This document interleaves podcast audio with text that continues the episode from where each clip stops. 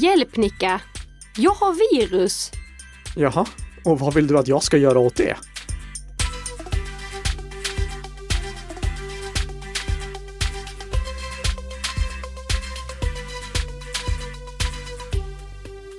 Det blev nästan en liten otrevlig inledning där på, på veckans avsnitt. Du brukar ändå vara ganska trevlig. Mm, men in, inte nu. Nej. Det, jo, det, det ska jag självfallet vara. I det här väldigt spooky, halloween-spooky avsnittet ska vi prata om vad vi gör ifall vår dator har blivit infekterad. Vad ska vi göra för att komma tillbaka på banan igen? Det är huvudämnet i det här 92 avsnittet av Bli säker-podden som produceras i samarbete mellan Nika Systems och Bredband2. Och nu, kära lyssnare, nu är allting som det ska igen. Ja, det var ju ett litet eh, undantag där i fredags eh, när avsnittet släpptes snarare på eftermiddagen. Ja, och eh, stort tack till alla er som hörde av er och frågade vart avsnittet hade blivit av. Alltså, det, det, det var det, det, det var verkligen glädjande. Då kändes det som att nu har vi lyckats med någonting. Nu har vi lyckats instifta en en vana hos våra lyssnare. Ja, en väldigt fin vana och sen är det ganska gött att känna sig saknad ibland, eller hur Nika? Visst är det så. Visst är det så. Så stort tack till er. Och nu är vi tillbaka precis som vanligt med ett avsnitt på morgonen. Men jag vill flagga upp för att lyssna jättegärna på de tre senaste avsnitten som vi har gjort tillsammans med Myndigheten för samhällsskydd och beredskap, polisen och Stöldskyddsföreningen med anledning av Tänk säkert-kampanjen. Verkligen. Det- Men eh, du, Mm. Det har ju hänt, alltså innan vi kliver in på veckans huvudämne, så har vi, alltså det har hänt så otroligt mycket egentligen, de sen, det bara den senaste veckan skulle jag säga, så det är svårt att sålla bland alla attacker hit och dit. Ja. Ja. Det, vi, vi har ju eh, den här utpressningsattacken mot eh, Vastamo i Finland som läckte patientjournaler. Vi har hela Gunnesbo-incidenten. Ja. Men jag hade inte tänkt prata om någon av dem i veckans snabbisar. Nej, Och det är för att vi fokuserar ju på det som vi slutanvändare kan göra någonting åt. Alltså antingen som privatperson eller som medarbetare. Och då ligger det lite off topic. Så jag tänkte istället tipsa om någonting som jag kallar e-post plus. ja okej. Och, och som faktiskt är en standard. Jag kommer inte ihåg vad standardnamnet är, men eh, det, det är en standard och det är en smart funktion som jag ser att bland annat vissa som registrerar sig på vår lärplattform använder. Det är nämligen som så här att om du vill registrera dig på en webbplats, registrera ett nytt konto av något slag och du känner dig lite tveksam till att ge ut din e-postadress. För tänk om det börjar komma massa skräppost dit nu. Då kan du lägga till ett litet plustecken i din e-postadress som du använder för att registrera dig. Jaha. Låt oss säga att jag vill registrera mig på Facebook eller någonting sånt. Ja. Då kan jag registrera mig med e-postadressen ke.nicka plus Facebook at nickasystems.com. Alltså min vanliga e-postadress fast mittemellan liksom snabel-a-tecknet eller strax före snabel-a-tecknet men efter mitt vanliga avsändarnamn eller mitt vanliga användarnamn. Då har jag det här lilla plustecknet. För dig hade det blivit test.hamark plus Facebook at bredband2.se. Okej, men v- vad, ja, och det behöver jag inte registrera då på min, alltså till min vanliga e-post då? Nej, för att om e-posttjänsten du använder är modern och följer den här standarden, då kan du lägga till vad du vill efter det här plustecknet och alla mejl som skickas dit kommer ändå hamna på din riktiga e-postadress. Mm, vad smart. Och det här gör ju då att om det skulle vara så att du registrerar dig på en sajt och de sen säljer din e-postadress så att den hamnar i sådana här skräppostlistor, då vet du direkt, aha, det var den här sajten som sålde min e-postadress. Och då hänger man ut dem till exempel i en podd. nu, nu, nu har inte det hänt, men vi har ett eh, nyligt exempel där eh, Computer Sweden rapporterade om den här dataläckan som 30.se råkade ut för. De, de säljer ju vitvaror på nätet. Och de blev tipsade om en av eh, 30.ses kunder som hade börjat få spam till den e-postadressen som han eller hon hade registrerat hos dem. Och det kan då ha gjorts via ett sånt här eh, plus eh, via en sån här pluslösning att han eller hon hade lagt till plus 30 efter sitt användarnamn i e-postadressen. Så då visste han eller hon direkt, okej, ja, det, det är 30 som har råkat ut för en dataläcka. Varför lyfter vi det här just nu då? Jo, för att nu har Microsoft lagt till stöd för det här för sina Exchange-kunder. Tidigare så har vanliga Outlook, alltså gamla Hotmail, Ja. haft stöd för det. Gmail har haft stöd för det länge, både för privatpersoner och för företagare. Proton Mail har haft stöd för det länge. Och nu så kan även företagskunder som använder Microsoft 365 och Exchange Online använda det. Det kräver visserligen att den som är administratör slår på en liten funktion. Eh, Jag lägger en, en länk till guiden till det i våra show notes. Men liksom ett bra tips till alla. Du, och du kan testa det själv. Prova skicka ett mejl till dig där du bara skriver din, ditt vanliga användarnamn plus test at outlook.com eller at gmail.com så ser du hur det funkar. Ha, häftigt. Ja. Men ja, jag tycker bara så här, jag har aldrig hört om detta innan. Nej. Är det många som använder det? På min webbplats är det många som använder det, men det är ju en speciell typ av ja. Speciell typ av kunder Ja, det är de- som är väldigt integritetsmedvetna. Men jag ser ofta att det är många som registrerar liksom användarnamn plus Nika Systems at och sen domänen. Okej. Så, ja, det, och nu kan då ännu fler också göra det. Men jag re- rekommenderar inte att man gör så. Nej. Alltid är det något Nika. Ja, och, och det är för att om jag skulle lägga till till exempel plus Facebook eller plus Twitter på min e-postadress, eller ä, ä, använda namnet i min e-postadress, då vet ju väldigt många, eller många angripare kan lista ut att jag gör på det viset. Så om det skulle börja skicka skräppost till ke.nicka plus facebook at nickasystems.com, då kan jag inte vara säker på att det är Facebook som har läckt den e-postadressen. Och, och jag vill poängtera nu att jag har inte fått någon skräppost dit. Nej. Men det, det, jag, jag skulle inte kunna dra den slutsatsen eftersom angripare kan lista ut det. Så jag registrerar istället så att det är ke.nicka plus och sen slumpvis valda tecken, till exempel ke.nicka plus u64 nickasystems.com. För det är det inte någon angripare som kan lista ut. Och om jag då plötsligt börjar få massa mejl till ke.nicka plus u64 nickasystems.com, då vet jag, ah, det är den sajten som har läckt min e-postadress. Har Så- du något tips på hur man ska kunna hålla reda på alla de här slumpmässiga tecken? Alltså vilken ledande fråga, Visst, för du, du, du vet vad jag kommer svara. ja. ja, jo men självfallet, du sparar ju det i din lösenordshanterare. ja, såklart. För lösenordshanteraren kommer ju också ihåg vilken e-postadress som du använder för att registrera dig på de olika sajterna. Så använd en lösenordshanterare och använd något slumpvis utvalt efter plustecknet när du registrerar konton. Det här ska jag absolut testa alltså. Ja. Ja, det eh, rekommenderas varmt. Om nu din e-posttjänst stödjer det och allt fler e-posttjänster börjar stödja det. Som sagt, nu nyheten är att även eh, Microsoft 365 och Exchange stödjer det. Men det är inte alla. Gamla e-posttjänster stödjer inte det. Tutanota, som också är en sån här populär integritetsfokuserad e-posttjänst, stödjer inte det. Men många gör det. Gött! Jag kommer ju, eh, nu kommer jag ju prata om eh, något mycket större egentligen kanske. Ja. Ja, ja, det är ju nämligen så att det är ju det amerikanska president, eh, presidentvalet. Det är ju full gång. Och därför kommer som eh, nyhet handla om Trump. I tisdag så hackades nämligen Donald Trumps kampanjsida, rapporterar Cinet. Delar av sidan ska ha bytts ut mot meddelanden om att hemlig data har läckt som visar att Trump-administrationen är involverad i coronavirusets ursprung samt länkar till försök att stjäla kryptovaluta. Hemsidan är nu återställd och enligt talespersonen för Trump-kampanjen så har ingen känslig data läckt ut och det finns inte heller någon risk för det eftersom det inte funnits sparat på sidan. Jag tycker dock att den här, den här nyheten är, liksom, det är lite ironiskt för att Donald Trump uttalade nämligen eh, följande för någon vecka sedan. Nobody gets hacked. To get hacked you need somebody with 197 IQ and he needs about 15% of your password. Nobody gets hacked.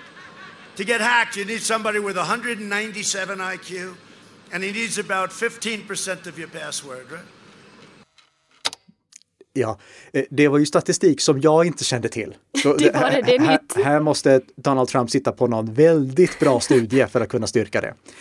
Eh, skämt åsido, det här är bara en bra påminnelse eh, för, inte minst inför det stundande svenska valet, Mm. att komma ihåg, det kan hända att sajter blir kapade. Självfallet, det är jätteolyckligt när det händer, men kom ihåg att om det plötsligt dyker upp någonting som är väldigt, väldigt konstigt på en eh, publik sajt, var lite ifrågasättande till det. Ha eh, en, vad, vad, vad är det man säger? Var hälsosamt eh, skeptisk till Jo. allt du läser. Ja, ja men verkligen, det var bra. Ja. Och över till från ett intrång till ett annat då? Jag- hade faktiskt inte tänkt fokusera på själva intrånget Nej. utan mer på pressmeddelandet som skickades ut med anledning av det. Okej. det Skånetrafiken, de skriver så här, rubrik. Intrångsförsök mot Skånetrafiken. Kom ihåg att byta dina lösenord med jämna mellanrum. Tystnad. Och, och en liten suck möjligtvis där. Ja. Pressmeddelandet fortsätter. På måndagen upptäcktes att ett dataintrång gjorts mot Skånetrafikens Mitt kontotjänst där kunder till exempel kan registrera sina reskort. Skånetrafiken kommer att anmäla händelsen till både Datainspektionen och polisen. Sen säger Johan Karlberg, chef för digitalisering och IT på Skånetrafiken så här. Vi ser mycket allvarligt på det här och håller just nu på att utreda omfattningen och orsaken. Jag vill ännu en gång uppmana alla att med jämna mellanrum ändra sina lösenord. Aj, aj, aj. Och min kommentar det är då att jag vill, för att uttrycka mig på samma sätt, ännu en gång uppmana alla att sluta uppmana andra att byta lösenord med jämna mellanrum. För att det är i värsta fall en rent av kontraproduktiv uppmaning. Vi människor kan inte hålla, alltså om jag skulle hålla på att byta mina lösenord stup i kvarten, då hade jag ju inte kunnat göra annat än sitta och byta mina förbannade lösenord. Ja, nej, nej, precis. Ja, så det som man ska komma ihåg, det är byt lösenord när en sån här dataläcka inträffar, så i det här fallet till till exempel Skånetrafiken, om du har ett konto där. Registrera dig på Have I been pwned så att du får en notis ifall din e-postadress figurerar i en ny lösenordsläcka. Och sen använd en lösenordshanterare så att du lätt kan byta lösenorden utan att behöva komma ihåg nya och så att du dessutom kan ha unika lösenord överallt. Och för att ge en, en liten guldstjärna också till eh, Johan Karlberg så säger han faktiskt i samma mening. Han säger som så här först, eh, det som jag inte rekommenderar. Jag vill ännu en gång rekommendera alla att med jämna mellanrum ändra sina lösenord. Men sen säger han också det som jag rekommenderar. Och inte heller använda samma lösenord för flera olika tjänster. Ja, den är bra. Den är bra. Det, det är ju det som gäller. Ha unika lösenord överallt, använd en lösenordshanterare, registrera dig på Have I been Pod. Och om du tror att ditt lösenord kan ha hamnat på avvägar, antingen för att du får sån här information eller för att du själv tänker, oh, läckte jag mitt lösenord där? Byt det direkt. Har du en lösenordshanterare så är det superenkelt. Snyggt. Och nu, Nicka, nu är det äntligen dags för veckans huvudämne. Hjälp! Jag har virus! Och nu pratar vi inte om coronavirus. Nej, det gör vi inte. Nej. Nej. utan vi pratar om datavirus. Vad gör jag ifall min dator plötsligt har fått virus på sig eller någon annan typ av skadeprogram? Nu använder vi ju här virus som paraplyterm för alla typer av skadeprogram. Vad gör jag då egentligen? Va- vad är första steget? Och ja, exakt vad du behöver göra, det beror lite på vad det egentligen är som har hänt. Och vi kan ju börja med att fundera på hur du upptäckte att du hade ett virus på din dator. Och nu, nu säger jag du som bara en allmän person, jag pratar inte om specifikt Tess som sitter här emot mig på andra sidan mikrofonväggen. Men vad är liksom första steget som du ska göra då? Ja, jag skulle ju börja med att fundera på vad är det min dator har drabbats av? Är, är det någon typ av reklamprogram, alltså är det så att det dyker upp massa notiser som visar reklam? Eller är det en utpressningstrojan som krypterar mina filer och kräver en lösensumma? Eller har jag drabbats av någonting som jag i själva verket inte har märkt, men som mitt klientskydd, populärt kallat antivirus, aviserar mig om att klientskyddet har hittat på datorn? För så som vi pratat om i tidigare avsnitt så dagens skadeprogram, de märks inte alltid. Det, det kan hända att de ligger i bakgrunden för att kunna kapa banktransaktioner eller stjäla kreditkortsnummer och då gör de större nytta av att inte märkas jämfört med att märkas. Men då kan ju ett eh, klientskydd avisera att oj, vi har hittat ett eh, skadeprogram på din dator, vill du ta bort det här? Det är en av anledningarna till varför jag säger att man måste ha ett klientskydd på sin dator. Det är inte bara att liksom kolla filer som man laddar ner, utan man måste också ha någonting som hela tiden skannar igenom datorn för att leta efter infektioner. Så som vi pratat om många gånger tidigare. Och om det är så att din dator har drabbats av någonting som vi skulle kunna kalla en lättare infektion. Låt oss säga att det har upptäckts en banktrojan eller det har upptäckts ett eh, skadeprogram som visar reklam. Då kan du ofta med ett bra klientskydd rensa ut det. Det som du behöver göra då, det är först och främst att svara på förfrågan som dyker upp från ditt klientskydd om du vill rensa datorn och ja, det vill du göra. Och sen så skulle jag också rekommendera att du gör en fullständig virussökning. Oavsett om du använder det inbyggda klientskyddet i Windows mm. eller ifall du har ett tredjepartsklientskydd på din Windows-dator eller Mac så kan du nästan alltid välja om du vill göra en snabbsökning eller en fullständig sökning. Just det. Och här väljer du då att göra en fullständig sökning. Den kommer ta flera timmar. Att... Men då går den igenom liksom på djupet Då ordentligt. går den igenom allting. Ja. Det tar jättelång tid, men det är det som du behöver göra då för att se ifall det finns någonting mer på datorn som har blivit infekterat av den av det skadeprogrammet som upptäcktes. För har ett skadeprogram kommit in så kan det finnas mer. Mm. Så det, det, är det första som du behöver göra. Gör en fullständig genomsökning av datorn.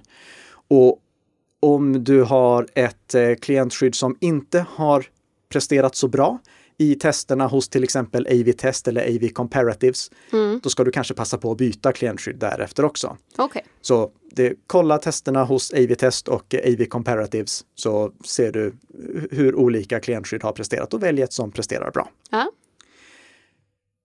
Men vad gör vi om det är något värre som har drabbat datorn? Mm. Alltså, låt oss säga att du har fått ett rootkit på datorn. Och vad är ett rootkit? Ett rootkit är en riktig elaking. Ja. Det är ett skadeprogram som infekterar datorn på så djup nivå att det kan ändra vad du ser och vad ett eh, klientskydd ser. Mm-hmm. Så tänk dig att du har någonting som har infekterat Windows eller MacOS på så djup nivå att du inte längre kan lita på det du ser. Du kan inte lita på att det som visas i utforskaren eller findern faktiskt är det som finns där. Men vet man det? Alltså ser man det att det är någonting som är fuffens? Ja, det kan vara väldigt svårt att upptäcka också. Uh. Det, det beror lite på vad det här rootkittet sen gör. Okay. Men om det är så att ditt klientskydd, populärt kallat antivirus, säger att det har hittat ett rootkit på datorn, mm. då hade jag inte litat på den datorn efter det. För okay. det är extremt svårt för klientskydd att upptäcka ett rootkit. Du, du kan ju själv tänka att om skadeprogrammet har möjlighet att ändra vad liksom, klientskyddet ser. Ja, oj, oj, oj. Då kan inte mm. klientskyddet heller hitta de filerna som är signifikanta för just det rootkittet. Nej. Men det, det som ett bra klientskydd kan göra det är att det kan kolla på beteende. Vad, vad, är det som händer på datorn? Och på så sätt kan det säga att den här datorn är infekterad. Mm. Och med, alltså med högsta, nej jag ska inte säga med högsta, men med god sannolikhet ja. så kan ditt klientskydd rensa bort infektionen. Men jag hade inte litat på det helt. Alltså, och, och om det står att ett rootkit är detekterat, mm. då hade jag nog varit försiktig med att använda den datorn framöver. För då har... Överhuvudtaget? Med den installationen, ja. ja. Jag, jag, jag, ska strax återkomma till vad, vad vi gör i det fallet. Mm. Men här kan det ju vara svårt att veta liksom, okej, okay, hur pass allvarlig är den här infektionen? Och i det fallet, då kan du antingen ställa frågan i säkerhetsbubblan. Säkerhetsbubblan är ju den här Facebookgruppen som eh, Nika Systems driver tillsammans med kryptera.se. Det finns så många smarta personer där. Ja, det finns över 6500 smarta personer ja. där i. Oj, oj, oj. Ja. Eh, och eh, passa på att ställa frågan där då så kan du säkert få råd. Eller ifall du har ett eh, betalklientskydd då finns det ofta en support du kan ringa till för att få rådgivning också i de här fallen. Alltså, om du har drabbats av en infektion, vad gör jag nu? Mm. Så kan du få hjälp med analys av det som har upptäckts på din dator. Men hur som helst, har du drabbats av det, då, då hade jag inte känt mig bekväm med att använda den datorn mer, för då, då har den liksom fått en väldigt djup infektion mm. på sig. Jag ska strax berätta vad man gör då, men i övriga sammanhang gör en fullständig virusrensning. Ta och kolla i eh, Windows säkerhetscenter. I Windows säkerhetscenter kan du se ifall det är någonting som inte verkar stå rätt till, till exempel om brandväggen har stängts av eller liknande. Mm. Kolla där ifall du hittar några varningar. Du, du söker bara efter säkerhetscenter i sökrutan på startmenyn. I MacOS öppna systeminställningar och gå till säkerhet och integritet. Där kan du välja integritetsfliken och då kan du se ifall det finns något program du inte känner till som har fått åtkomst till någonting som det inte borde ha. Mm, okay. Så kolla det också om du har blivit infekterad av någonting lättare. Men mm. vad gör vi då ifall vi har blivit infekterat av någonting som är så allvarligt, då till exempel ett rootkit, att jag inte längre hade litat på datorn? Då måste datorn ominstalleras. Ja. Och det innebär ju då att alla filer försvinner. Ja, så är det ju. Ja. ja. Så eh, här poängterar vi ännu en gång. Backup! Ja, ha backup på dina filer och ha versionshanterande backup så att om din backup skulle bli infekterad mm så ska du kunna rulla tillbaka till en äldre version av den. Mm, just det. Jag tror att det är dags för ett till backup-avsnitt. Jag tror också det. Ja, mm, ja. Men uh, vi, vi tar backup i ett eget kommande avsnitt då. Jag har mm. testat lite nya backup-program oh, också som jag skulle vilja berätta om. Ja. Men uh, hur som helst, se till att ha backup. Och sen så gör du då en fullständig återställning av datorn. Mm. Och det kan du antingen göra genom att skapa ett installations-USB-minne från en annan dator. Då tar du en annan dator som kör samma operativsystem, Windows eller Mac OS, skapar ett installations-USB-minne. Vi kan lägga med guider till hur man gör det. Och så tar du och stoppar in det i den infekterade datorn. Och sen när datorn startar upp, då ser man ju ofta någonting som fladdrar förbi. Ja. Det är information från mjukvaran som är underliggande Windows eller underliggande MacOS som kallas UEFI. Det är den mest fundamentala mjukvaran som finns på datorn. Mm. Och i den mjukvaran, då väljer du att istället för att bota från den interna hårddisken där operativsystemet och alla filer ligger lagrat, så botar du från USB-minnet. Okej. Okay. Ja. Och därifrån kan du sedan välja att blåsa hela datorn, formatera hårddisken, installera Windows eller Mac OS på nytt och sen installerar du alla dina program på nytt och lägger tillbaka dina filer från din backup. Mm. Här tänker någon säkert, ja men du har ju sagt att filer försvinner inte bara för att man raderar hårddisken. Eller bara för att du formaterar hårddisken. Uh -huh. Filerna kan finnas kvar ändå. Ja, men de ligger bara så att de är återskapningsbara. Alltså om du formaterar en hårddisk så kan du inte köra filerna. Du måste köra ett återskapningsprogram som försöker återskapa resterna av dem. Så om du formaterar hårddisken, då kan inte ett skadeprogram som har funnits på hårddisken köras igen. Det är omöjligt, tekniskt omöjligt Aha. för det skadeprogrammet att komma tillbaka. Okay. Så du behöver inte vara orolig för det. Formaterar du hårddisken och installerar om Windows på nytt eller installerar om Mac OS på nytt, då är skadeprogrammet borta och det kan inte komma tillbaka. Ja, det var ju tur. Ja, så den delen behöver du inte vara orolig mm. för. Däremot anledningen till att jag ofta påminner om den här myten om att formatering räcker för att få bort filer, det är just för att om man säljer en begagnad dator, då ska man vara medveten om att den som köper datorn kan återskapa filerna som har legat på hårddisken om man inte skriver över hårddisken helt mm. eller följer våra rekommendationer och krypterar hårddisken för då är det ett icke-problem. Exakt. Ja. Uh-huh. Det finns dock de som säger att eh, det kan hända att ett skadeprogram överlever det här också. Nej. Och det kan låta, nej, nej du, du, du, jag kommer vara snäll du. Ja, okay. och det här är någonting som eh, egentligen kan låta lite konstigt för att om vi rensar allting från hårddisken, hur kan det då finnas något spår av mm. skadeprogrammet kvar? Alltså om jag blåser hela hårddisken, installerar om operativsystemet från grunden, eller till och med rent av om jag skulle plocka ut hårddisken och sätta i en ny, hur kan det då finnas något spår av infektionen kvar? Det är ju bara ett skal liksom. Alltså det är ju bara själva en skärm, det är en dator. Ja. Vad, vad är det som finns kvar? Kommer du ihåg det här sa om det där som blinkade till när du startade upp datorn, ja, UEFI? Det. Ja. det är ett inbyggt operativsystem som, eh, eh, eh, eller en, ett operativsystem light kan vi kalla det, ja. som finns på datorns moderkort. Aha. Som inte ligger på själva hårddisken. Och om skadeprogrammet skulle ha infekterat UEFI, Mm. Då har det mm. alltså infekterat någonting som körs före operativsystemet. Och det innebär att även om du byter ut hårddisken mm. och sätter i en ny, då kan ett UEFI rootkit, ett rootkit som har infekterat datorn på liksom moderkortsnivå, mm. komma tillbaka. Men hur vanligt är det här? Jag känner till två tillfällen då det har hänt. Ja, okej. Och det är det, det som är betryggande. Behöver man oroa sig för det här? Så som världen ser ut nu? Nej, absolut inte. Första gången vi hörde om ett sånt här UEFI rootkit i världen, alltså som inte bara var någonting som presenterades på en teknikkonferens. Det var 2018, då upptäckte ESET ett sådant. Och sen hade vi ett exempel till nu för några veckor sedan när Kaspersky upptäckte ett sånt här UEFI rootkit.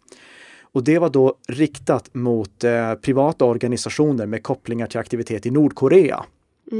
Okej. Och det är den här nivån på personer som behöver oroa sig för det. En, ett UEFI-rootkit, vi har inget exempel på att ett UEFI-rootkit har drabbat vanliga privatpersoner eller vanliga medarbetare på något företag. Det har inte hänt. Nej. Men det skulle kunna hända mot sådana här riktigt högprofilerade personer som behöver oroa sig jättemycket för säkerheten. Anledningen till att vi inte har sett någon, liksom, nå- nå- något utbrott av UEFI rootkit, det är att det är extremt svårt att infektera en dator med ett sådant. Jaså? Hur För- går det till då? Det vet, alltså, jag vet inte hur det lyckades i de här Nej. två fallen som jag känner till. Men om jag bara ska spekulera, vi- vilka sätt skulle det gå på?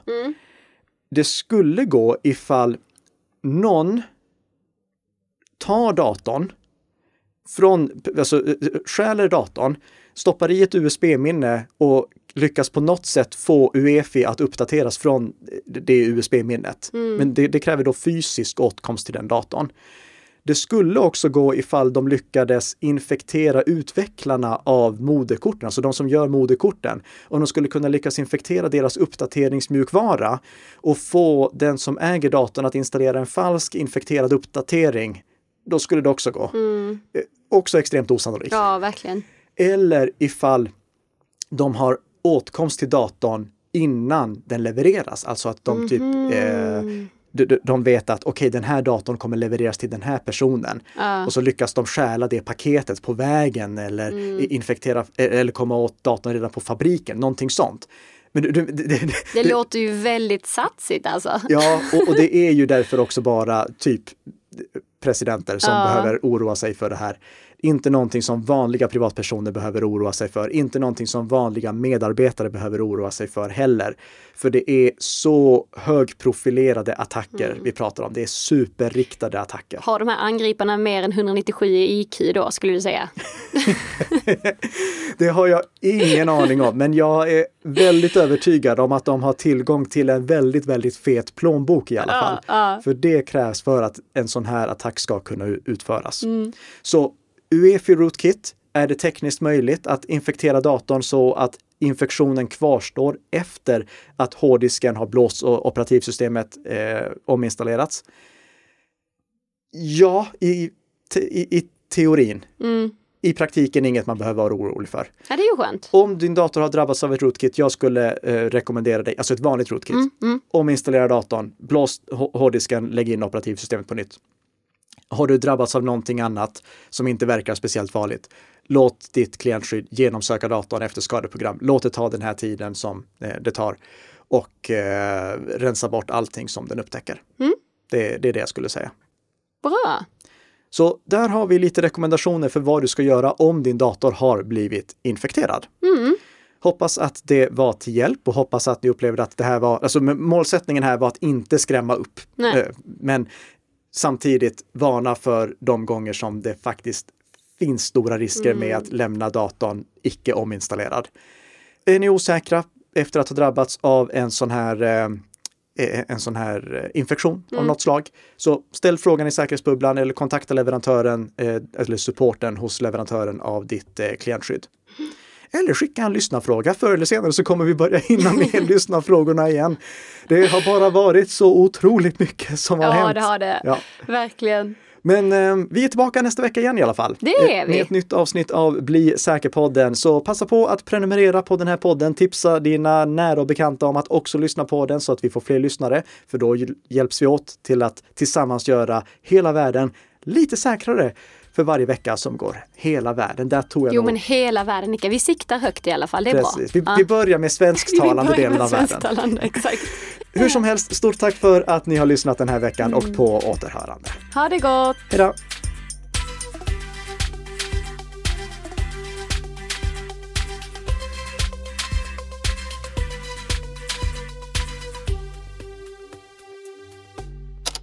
I MacOS så kan du göra det jättesäkert utan att behöva hålla på och skapa USB-minnen genom att starta datorn och hålla nere Alt, kommando och R. För då kan du ladda ner en helt färsk version av MacOS från internet och välja att installera den. Du blåser hårddisken, installerar den här helt nyladdade, mm. nynedladdade versionen av MacOS. Kan inte finnas ett spår kvar av det skadeprogrammet då.